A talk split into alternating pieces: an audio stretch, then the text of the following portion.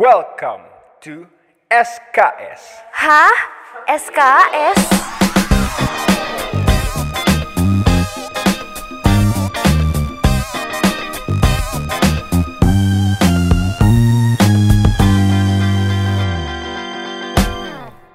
Halo semuanya, eh, selamat mendengarkan di podcast Unif Day 2021 bersama saya Miftah Nugraha dan seorang speaker yang bakal berbagi cerita dan pengalaman yang menarik. Silakan.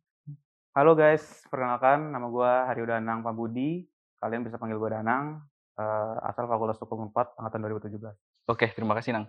Sebelum masuk ke pembahasan yang inti, ya, kalau dari gue pribadi yang ingin tahu sih Nang, eh, gimana sih boleh ceritain nggak untuk flashback ke belakang satu atau dua tahun gimana daily activity lo pada saat kuliah? Daily acti- activity gue mah sebenarnya kayak biasa ya gitu. Eh, seperti umumnya pada mahasiswa rantau biasanya gitu ya. Walaupun sebenarnya rantau gue nggak jauh-jauh amat gitu. Mungkin nggak kayak Miftah nih, terlalu jauh kan. Enggak, sama. Kita Bandung. Sama ya? Iya. Jadi Ya. cuman beda ya 30 km lah. Iya, 30 km. Tapi waktu macetnya sejam setengah. Nah, itu. Jadi kalau misalkan dari Bandung Jatinangor, itu tuh ada neraka Cibiru namanya teman-teman.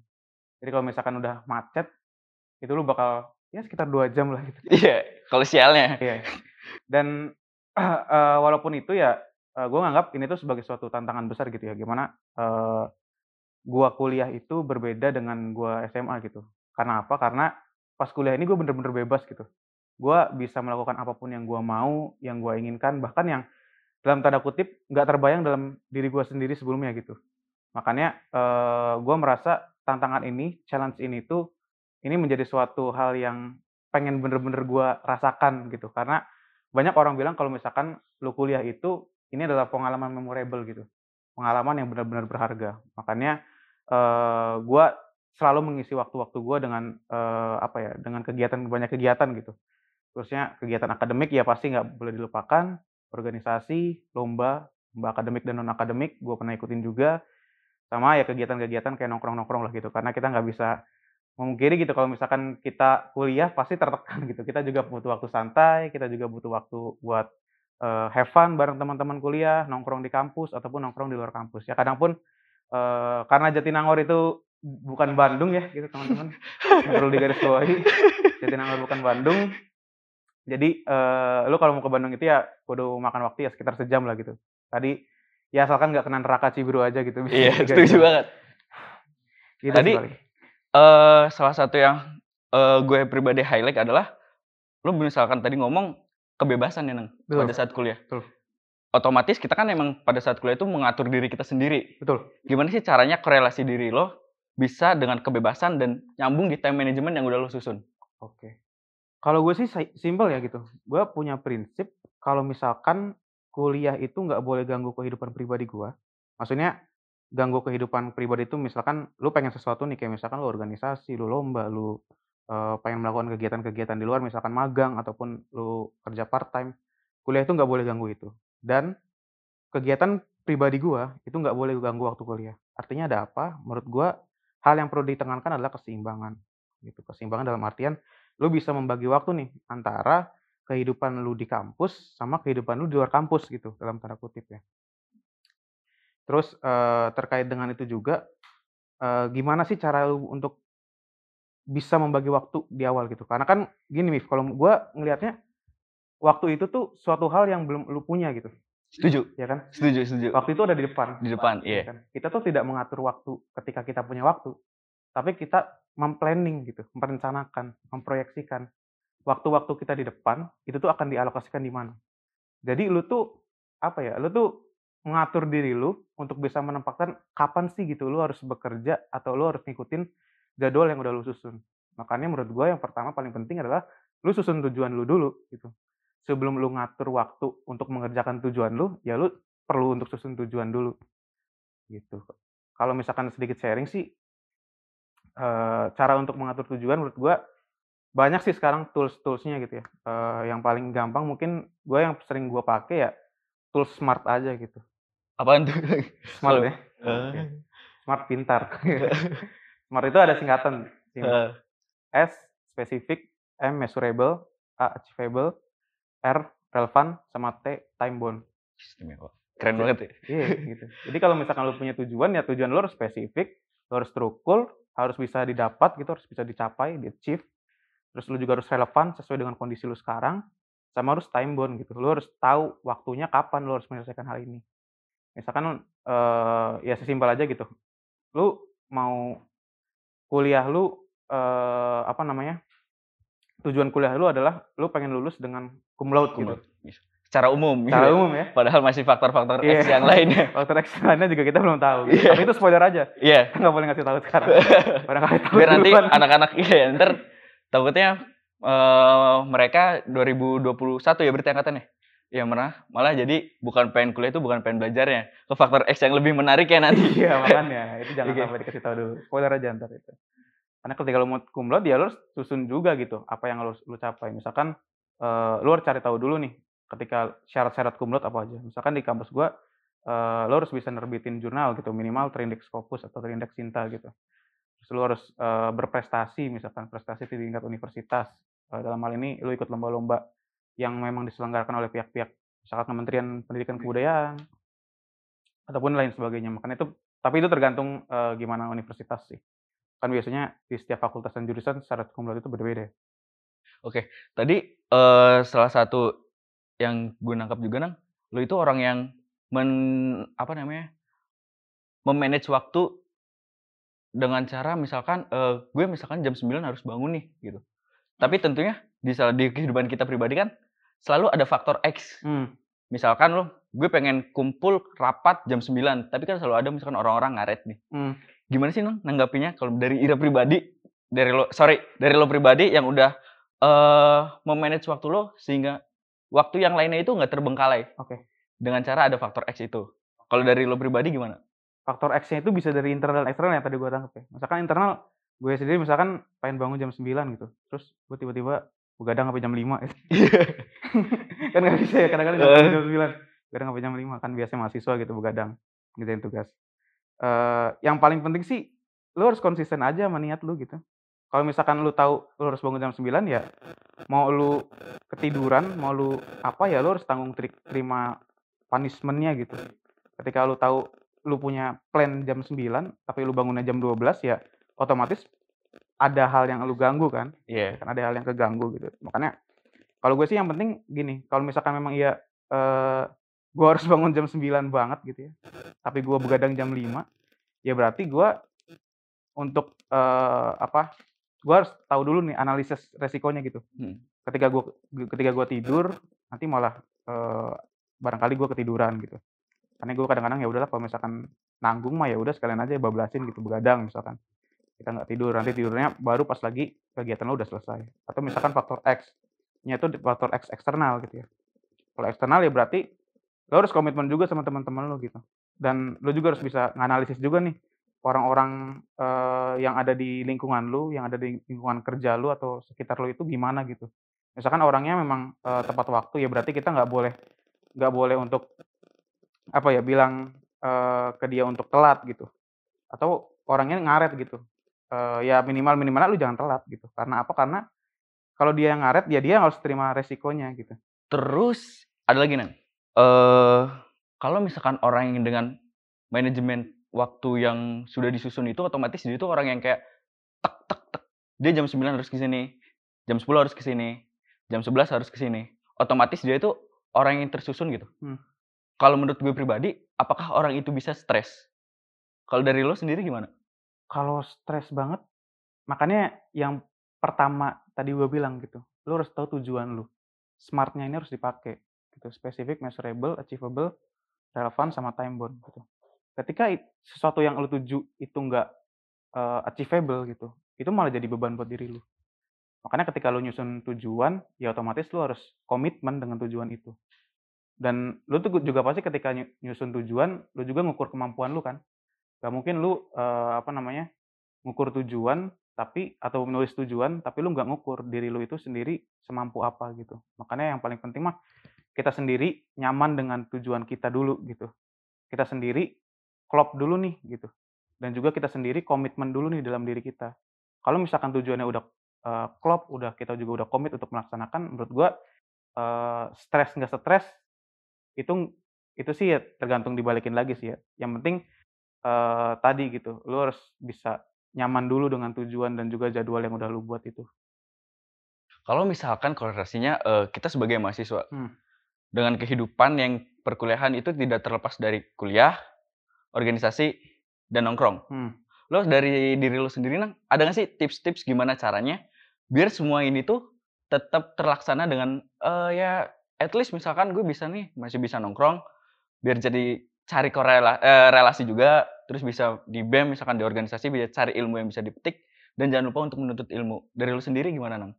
Dari gue sendiri tadi eh, prinsip gue paling dasar adalah kuliah jangan ganggu organisasi dan kehidupan pribadi gue dan kehidupan pribadi gue dan juga organisasi jangan ganggu kuliah gue. Yang terpenting sih pertama keseimbangan gitu. Keseimbangan dalam artian eh, pertama keseimbangan itu bisa dicapai ketika lu sendiri udah tahu gitu kemampuan lu untuk memanage, mengelola apa yang lu lakukan ke depan itu tuh udah udah bisa dipertanggungjawabkan sama diri lu sendiri gitu. Dan juga eh, yang terakhir sih yang paling penting adalah gue sepakat sama lu sih, Mif. Maksudnya Iya. kita jangan jadi robot lah gitu. Maksudnya mungkin kadang-kala kita terlalu terlalu kayak wah sistematis banget tak tak tak taktis gitu ya orangnya.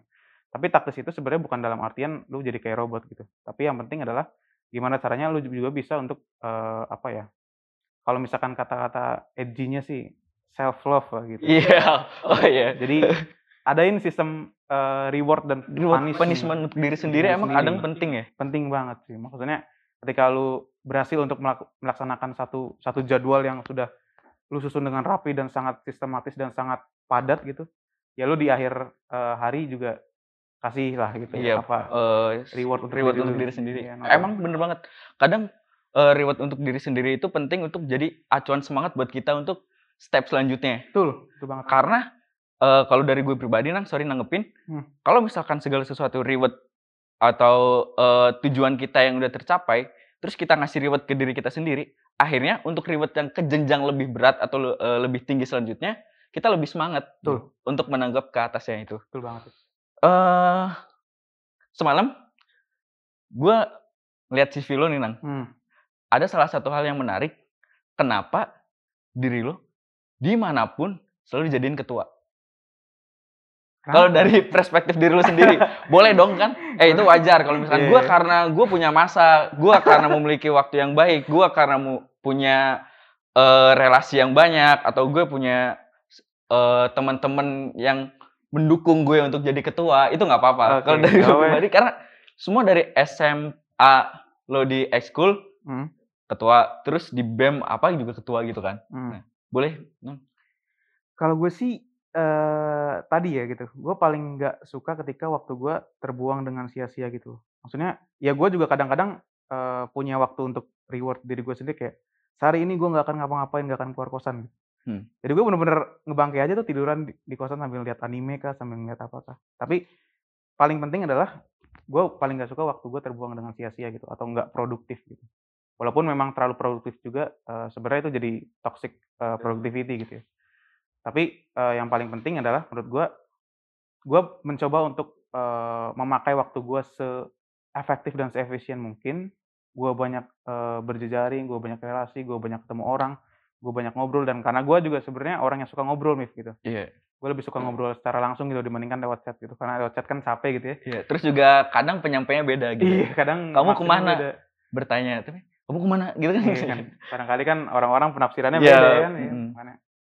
Eh, itu gitu yang yang paling penting gue suka untuk mengisi waktu luang gue, gue ngobrol. Akhirnya gue banyak dapat kenalan juga di kampus. Eh, gue juga akhirnya bisa masuk sini, masuk ke sana. Ya bukan karena gimana-gimana sih, mungkin karena kalau ditanya kenapa, ya mungkin karena diri gue sendiri yang pengen terus untuk produktif gitu. Terus untuk ngobrol, untuk untuk bersosialisasi. Karena menurut gue, gue paling senang kata-katanya Itachi gitu pas lagi ke Naruto gitu. Lu nggak akan bisa jadi Hokage ketika warga desa lu sendiri nggak ngakuin lu gitu. Makanya kalau lu dia harus diakuin ya lu harus punya effort lebih gitu. Dengan cara lu tunjukin kemampuan lu ke orang-orang, lu banyak mengemukakan pikiran, lu banyak berdiskusi, banyak berdialektika. Akhirnya orang-orang tuh bisa tahu oh ternyata lu tuh punya kemampuan gitu dan lu dihargai di situ. Ya ibaratnya lu self branding lah gitu ke Bener. orang-orang.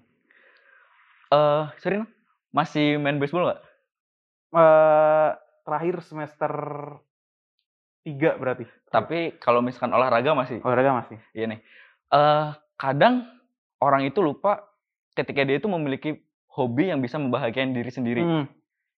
Nah, gimana sih Nang? Biar ada orang itu tetap, oh gue nih punya hobi nih. Toh misalkan hobi kan gak harus mahal ya. Hmm. Kayak misalkan lari atau apa gitu. Gimana sih Nang caranya? Gimana sih eh, diri lo itu tetap punya interest terhadap hobi lo gitu? Sebenarnya gue pas lagi kalau di kampus nih, Mif, jujur aja gue malas olahraga cuy gitu. Iya. jujur aja gue malas olahraga gitu. Karena karena kadang-kadang kalau lu udah sibuk tuh, wah lu bener-bener gak mikirin diri lu sendiri, lu begadang, lu apa kayak lu diskusi sampai pagi gitu. Mm. Atau lu nonton film atau ngerjain tugas sampai lu capek bener-bener atau lu nggak tidur gitu selama seharian. Tapi kerasanya tuh baru setelah lu nyelesain itu tuh kayak Iya. jam tidur lu jadi geser. Terus lu juga jadi gampang ngantuk di siang hari gitu kan makanya menurut gue itu udah jadi kebutuhan aja sih gitu kalau misalkan olahraga pada akhirnya jangan jadikan olahraga itu sebagai suatu kewajiban sih Bener. tapi kebutuhan gitu kan Iya. supaya lu tuh ya minimal minimalnya apa sih sa- salahnya sama sayang sama diri sendiri gitu daripada lu tiba-tiba pas lagi ngerjain sesuatu pingsan kan dengan lu capek sorenya gitu gara-gara lari Terus juga kita breakdown ke belakang Nang. Hmm. Background lo sebenarnya kalau menurut gue ya Hmm. masih ada seorang atlet ya. Bener nggak? Kalau ada pengakuan dari diri lo pribadi? Eh, itu sih kayaknya orang cuma orang lain yang bisa nilai deh Oh iya, gue nilai gitu deh. Oke, Berarti oke. setuju gak sih Nang? Salah satu hal yang dipetik dari hal positif yang diambil dari atlet adalah time management. Betul. Boleh bagi nggak Nang eh, pengalaman-pengalaman waktu diri lo jadi atlet, terus akhirnya bisa kita nyambungin ke kehidupan. eh pas lagi gue jadi ya mungkin gue nggak bilang gue atlet banget gitu gitu Nih, eh, kayaknya lu lebih atlet lah gitu Enggak lah, gue lu bi- bisa cek ke Jakarta. CV-nya juga kemarin juara di kuliahan kan masih main kan? iya Pernah lihat juga gitu. eh gue gue lebih seneng apa mengidentifikasi diri gue orang yang hobi, Hobi. aja gitu jadi pas lagi semester 3 banget gue pas lagi awal-awal eh, kuliahan gitu kan kita sering dapat kan banyak eh, apa namanya masukan dari cutting gitu kayak Hmm. lu harus ikut organisasi A, B, C, D, E, F, G gitu. Akhirnya gue juga sama gitu. Cuma gue sadar pas lagi itu gue juga masih suka main softball gitu dan akhirnya eh gue eh ngikut lah gitu UKM Bisbol Baseball. softball di Unpad gitu dan eh, kebetulan pas lagi tahun pertama gue eh, apa namanya ikut Telkom Cup itu. Iya. dan eh, gimana cara baginya? Sebenarnya yang penting lu harus konsisten aja di, gitu dengan jadwal latihannya. Maksudnya gini eh jadwal latihan softball itu kan nggak mungkin pagi sampai sore kan gitu. Hmm. karena orang-orangnya juga pada kuliah gitu. Ya yang penting ketika lu lagi dikasih waktu buat latihan ya lu pergunakan sebaik-baiknya gitu. Dan paling penting juga sih mungkin lu juga nyadar gitu ya, kalau misalkan eh ya kita lagi bertanding itu berarti kita juga harus punya latihan pribadi juga kan gitu. Iya. Soalnya kalau misalkan kita latihan, biasanya kita latihan dua kali sehari, ya kalau misalkan lu lagi ada mau pertandingan ya lu tambah lah gitu Iya. waktu porsi latihan lu. Tapi itu di eh, apa ditambah secara proporsional aja gitu. Jangan sampai lu eh, malah jadi keganggu juga gitu waktu-waktu kuliah lu. Karena kebetulan juga kalau gua di FH eh, semester 1 2 3 itu masih santai sih sebenarnya. Paling pulang sorenya juga paling lama jam 3 gitu. Makanya eh, gua bersyukurnya punya banyak waktu gitu. Mungkin kalau Iya. teman-teman gue yang saintek mungkin nih barangkali dulu nih ngerasain praktikum lah apalah Iya. gitu. Banyak yang eh, ngeluh juga gitu, praktikum sampai sore sampai jam 6. Ya gua aduh can relate gitu. Jadi bersyukur juga sih gitu. Karena itu juga gue bisa bagi waktu bagus pas lagi eh, maba. Terus juga eh lo tipe kalau orang yang doyan me time gak sih? Me time sendirian gitu ya. Iya. eh gua lebih suka sama orang sih. Jadi Oh. suka sendirian gue. eh gini nih. Kalau misalkan kita itu fokus kuliah doang gitu. Hmm. Kita itu nggak akan punya eh maksud gini, IPK di kuliah itu 4. Hmm. Setuju gue? Setuju. Ya, Tapi ada lebih, faktor ya. Tiga yang eh emang itu benar, tapi ada faktor yang lainnya gitu. Hmm. Toh misalkan kita itu misalkan IPK kita nggak eh, nggak bagus lah gitu ibaratnya. Salah satu penolong hidup kita kan relasi. Hmm. Boleh nggak sih Nang bagi tips ke kita yang pengen ke adik-adik 2021 yang pengen masuk kuliah, cara mendapatkan relasi di kuliahan? Kalau cara mendapatkan relasi, pesan gue cuma satu, jangan pernah capek buat ketemu orang gitu. Jangan pernah capek buat ngobrol sama orang-orang baru. Karena kadang yang membuat kita nggak berkembang itu sebenarnya diri kita sendiri kan. Ada border yang kayak anjir gue orang Cirebon nih gitu. Apa yang gue temenannya sama orang-orang eh, Jakarta, orang-orang Bandung gitu yang hits hits banget gitu. Gue orang kampung gitu kan. Iya. gue awalnya gue, gue kayak gitu juga iya. awalnya gitu. Pasti juga agak ngerasa juga lah gitu. Iya, relate lah gitu ya eh, kayak lu ketemu sama orang-orang yang Jakarta kayak waduh anjir ini orang-orangnya keren-keren semua gitu tapi pada akhirnya pede sih lebih ter- lebih ke pede gitu ya semua juga sama gitu semua nyari teman gitu cuma tinggal caranya lu aja gimana eh, ngerentuhin border yang lu buat sendiri itu gitu karena menurut gua eh, penting bagi lu untuk eh, menghancurkan border itu biar lu sendiri juga eh, bisa dikenal juga sama orang gitu kalau lu diem juga ya lu nggak bisa menyalahkan lingkungan gitu Iya, setuju. Karena balik lagi gimana pun kitanya mau atau enggak. ya Oke. Em, salah satu hal yang tertarik gue sama lu itu nang, kok berani gitu? Kayak misalkan bisa terjun keluar dari kampus. Salah satu yang gue lihat ada kemarin itu di Instagram sampai kayak ke Jakarta. Itu kan pasti ninggalin kuliah tuh. Hmm, Gimana sih nang? Aduh, kok berani gitu? gimana ya yang penting satu sih lu jangan bolos di awal-awal masa-masa kuliah Oh berarti nyimpen nyimpen.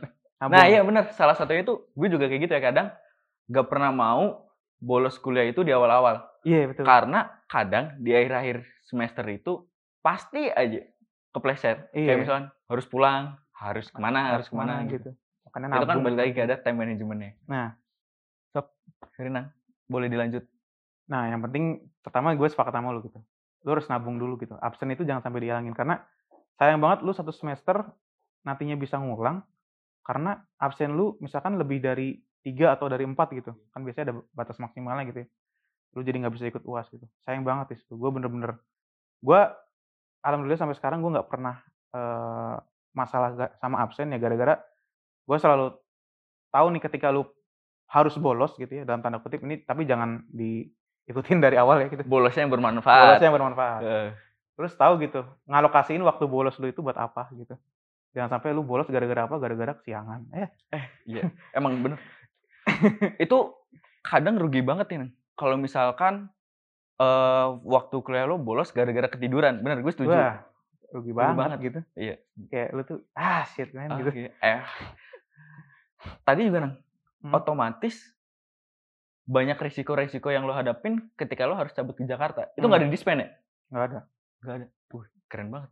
Berarti gimana sih nang? Cara diri lo buat yakin nih Hmm. berangkat ke sana.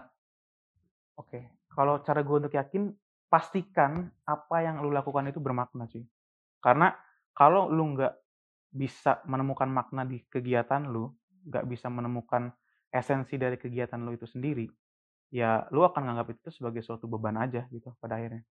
Karena lu ke Jakarta, ya misalkan lu, eh, let's say gue pas lagi itu ke Jakarta, gue nggak dibayar siapa-siapa gitu. Gue ngeluarin duit sendiri, gue harus jaga diri gue sendiri, ya kan gue juga harus eh, bisa ya menyelamatkan diri gue sendiri ketika nantinya di sana eh, terjadi sesuatu gitu.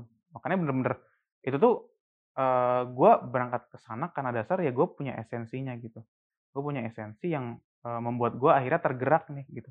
Motivasi dalam diri gue akhirnya naik, akhirnya bisa untuk gue terima konsekuensi-konsekuensi yang nantinya eh, bakal lu terima di kemudian hari karena apa? Karena lu sendiri eh, udah tahu gitu esensi tujuan lu untuk eh, ya misalnya gue ke Jakarta untuk apa?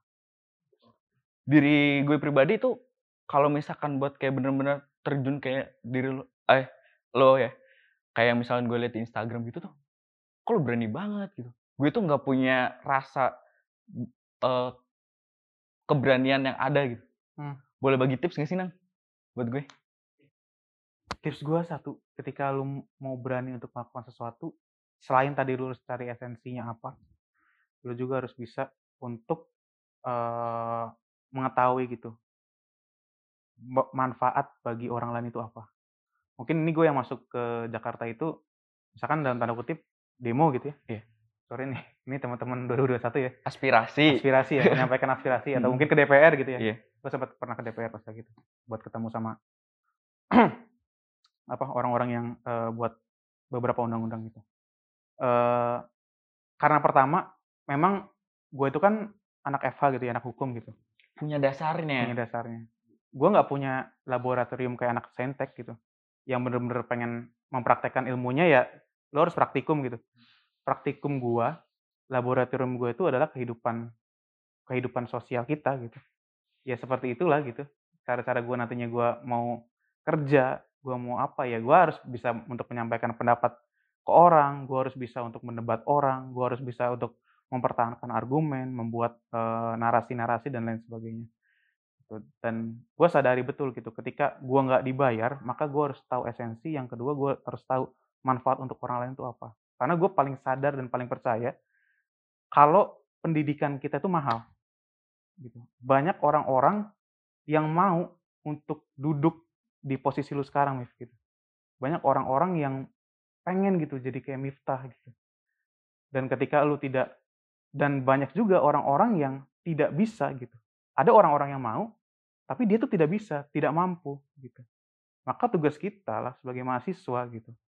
Tugas kita sebagai dalam tanda kutip ya gitu, agent of change gitu Oh kan, iya. moral force, terus eh, apa namanya? eh, social control dan lain sebagainya. Ya untuk bisa gitu menyambungkan orang-orang yang tidak beruntung ini gitu. Karena pada akhirnya mau gimana pun lu kuliah, di mana pun lu kuliah, apa pun warna jaket alma mater lu, lu tuh bagian yang integral, lu bagian yang satu dengan masyarakat. Gitu.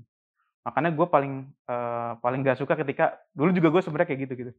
Gue dulu eh, paling kayak, wah gue nih anak Eva nih, gue anak empat nih, lu mana nih kan, sering banding bandingin gitu kan, gak apa-apa, maba sindrom gitu kan.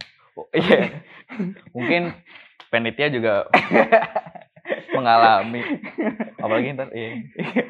masih kayak gitu gitu kan si eh, membanding-bandingkan tapi pada akhirnya bicara tentang kebermanfaatan itu tuh bukan bicara tentang universitas lu apa bukan bicara jurusan lu apa tapi apa yang lu bisa beri untuk masyarakat gitu. kalau misalkan lu nggak bisa memberikan sesuatu buat masyarakat eh, dalam tanda kutip memberikan sesuatu dalam artian ya misalkan duit atau apa ya lu kasih sesuatu hal yang lu punya gitu lu diberikan kesempatan untuk mengenyam bangku perkuliahan, lu punya ilmu, lu punya pengetahuan, lu punya eh, apa namanya idealisme, itu harus dijaga sih kalau menurut gua. Karena itulah akhirnya yang mencirikan kita sebagai eh, mahasiswa yang eh, insyaf gitu dengan tanggung jawabnya sendiri. Tadi kan lu ngomong, eh gue mengajukan aspirasi, berdialog bersama orang-orang penting. Takut gak sih, Nang? Jujur takut banget. sih. Karena kan ada orang yang misalkan dia tuh bakal berefek ke kehidupan selanjutnya. Hmm. Diputusin karirnya. Hmm. Kayak misalkan kita nanti nggak dapat pekerjaan. Hmm. Terus kayak misalkan keselamatan diri pribadi dan mungkin bawa keluarga. Hmm. Kan itu pasti nyambung ya. Karena kita tuh berhadapan dengan orang besar. Hmm, betul. Pikiran lu gimana nang waktu itu? Jujur eh, pertama yang gue lihat pas lagi ngobrol gitu ya sama orang kayak ini dia dia tuh udah sarjana gitu dia udah profesor gitu gue aja masih ngulang gitu masih belajar di kampus masih nugas gitu ya tapi eh, yang paling gue penting selain melawat tadi gitu hal-hal yang lu percaya dan lu juga melihat dampaknya ke masyarakat memang butuh dalam tanda kutip keberanian sih menumbuhkan keberanian itu penting gitu. karena pada akhirnya eh mau gimana pun lu nanti lu lu diem juga lu tuh bakal kena dampaknya gitu. Ngerti gak sih? Setuju. kalau lu diem juga lu tuh bakal kena dampaknya. Setidaknya kita bergerak untuk mengubah. iya. Sepakat gue di situ akhirnya jangan jadi seperti orang yang apa ya menghamba pada ketakutan gitu. Menurut gue setiap apa pun yang kita lakukan itu punya impact dan resikonya masing-masing. Dan yang bisa untuk mengelola impact menganalisa resikonya supaya nggak terlalu eh, apa namanya berbahaya gitu bagi diri lu sendiri adalah lu sendiri gitu dan percayalah gitu banyak orang-orang yang ingin membantu lu juga ketika lu nantinya kenapa-napa gitu gue paling percaya itu sih karena gue juga pernah merasakan itu gitu ketika gue sedang dalam kondisi ya dalam tanda kutip ditekan gitu. Ternyata banyak juga orang-orang yang mau membantu. Eh satu nih, Nang. Apa? Kalau dari diri lo pribadi, boleh nggak sih kasih closing statement untuk teman-teman kita yang mendengarkan untuk kali ini? Closing statement gue eh, singkat aja. Gitu. Gue paling percaya waktu itu mahal. Waktu itu mahal. Waktu itu mahal. Gue sampai sebutin tiga kali. Karena harus Benar ingat setuju. Karena waktu itu di tadi balik lagi waktu itu Iya, di depan nggak bisa itu di depan. Lu nggak bisa eh, apa? Mif kalau lu kehilangan duit, lu sedih nggak? Karena duit bisa dicari lagi. Sepakat. Duit itu bisa cari lagi. gitu. Iya. Lu tuh bisa ganti duit lu kalau duit lu hilang. Tapi kalau waktu yang hilang, lu nggak bisa ganti itu sih. Nah, makanya waktu itu mahal menurut gua. Terus Yang paling terpenting buat teman-teman kelas 12, selain waktu itu mahal, harus ingat juga gitu. eh, apa ya? Gue paling percaya SMA 1 itu bukan terdiri dari sekedar tumpukan batu dan bata gitu. SMA 1 tuh hidup gitu. Makanya eh, apa ya? Seberapapun kalian sedang sekarang sedang tertekan karena kondisi Covid, gue yakin betul gitu kalian punya alasan untuk terus semangat dan bertahan.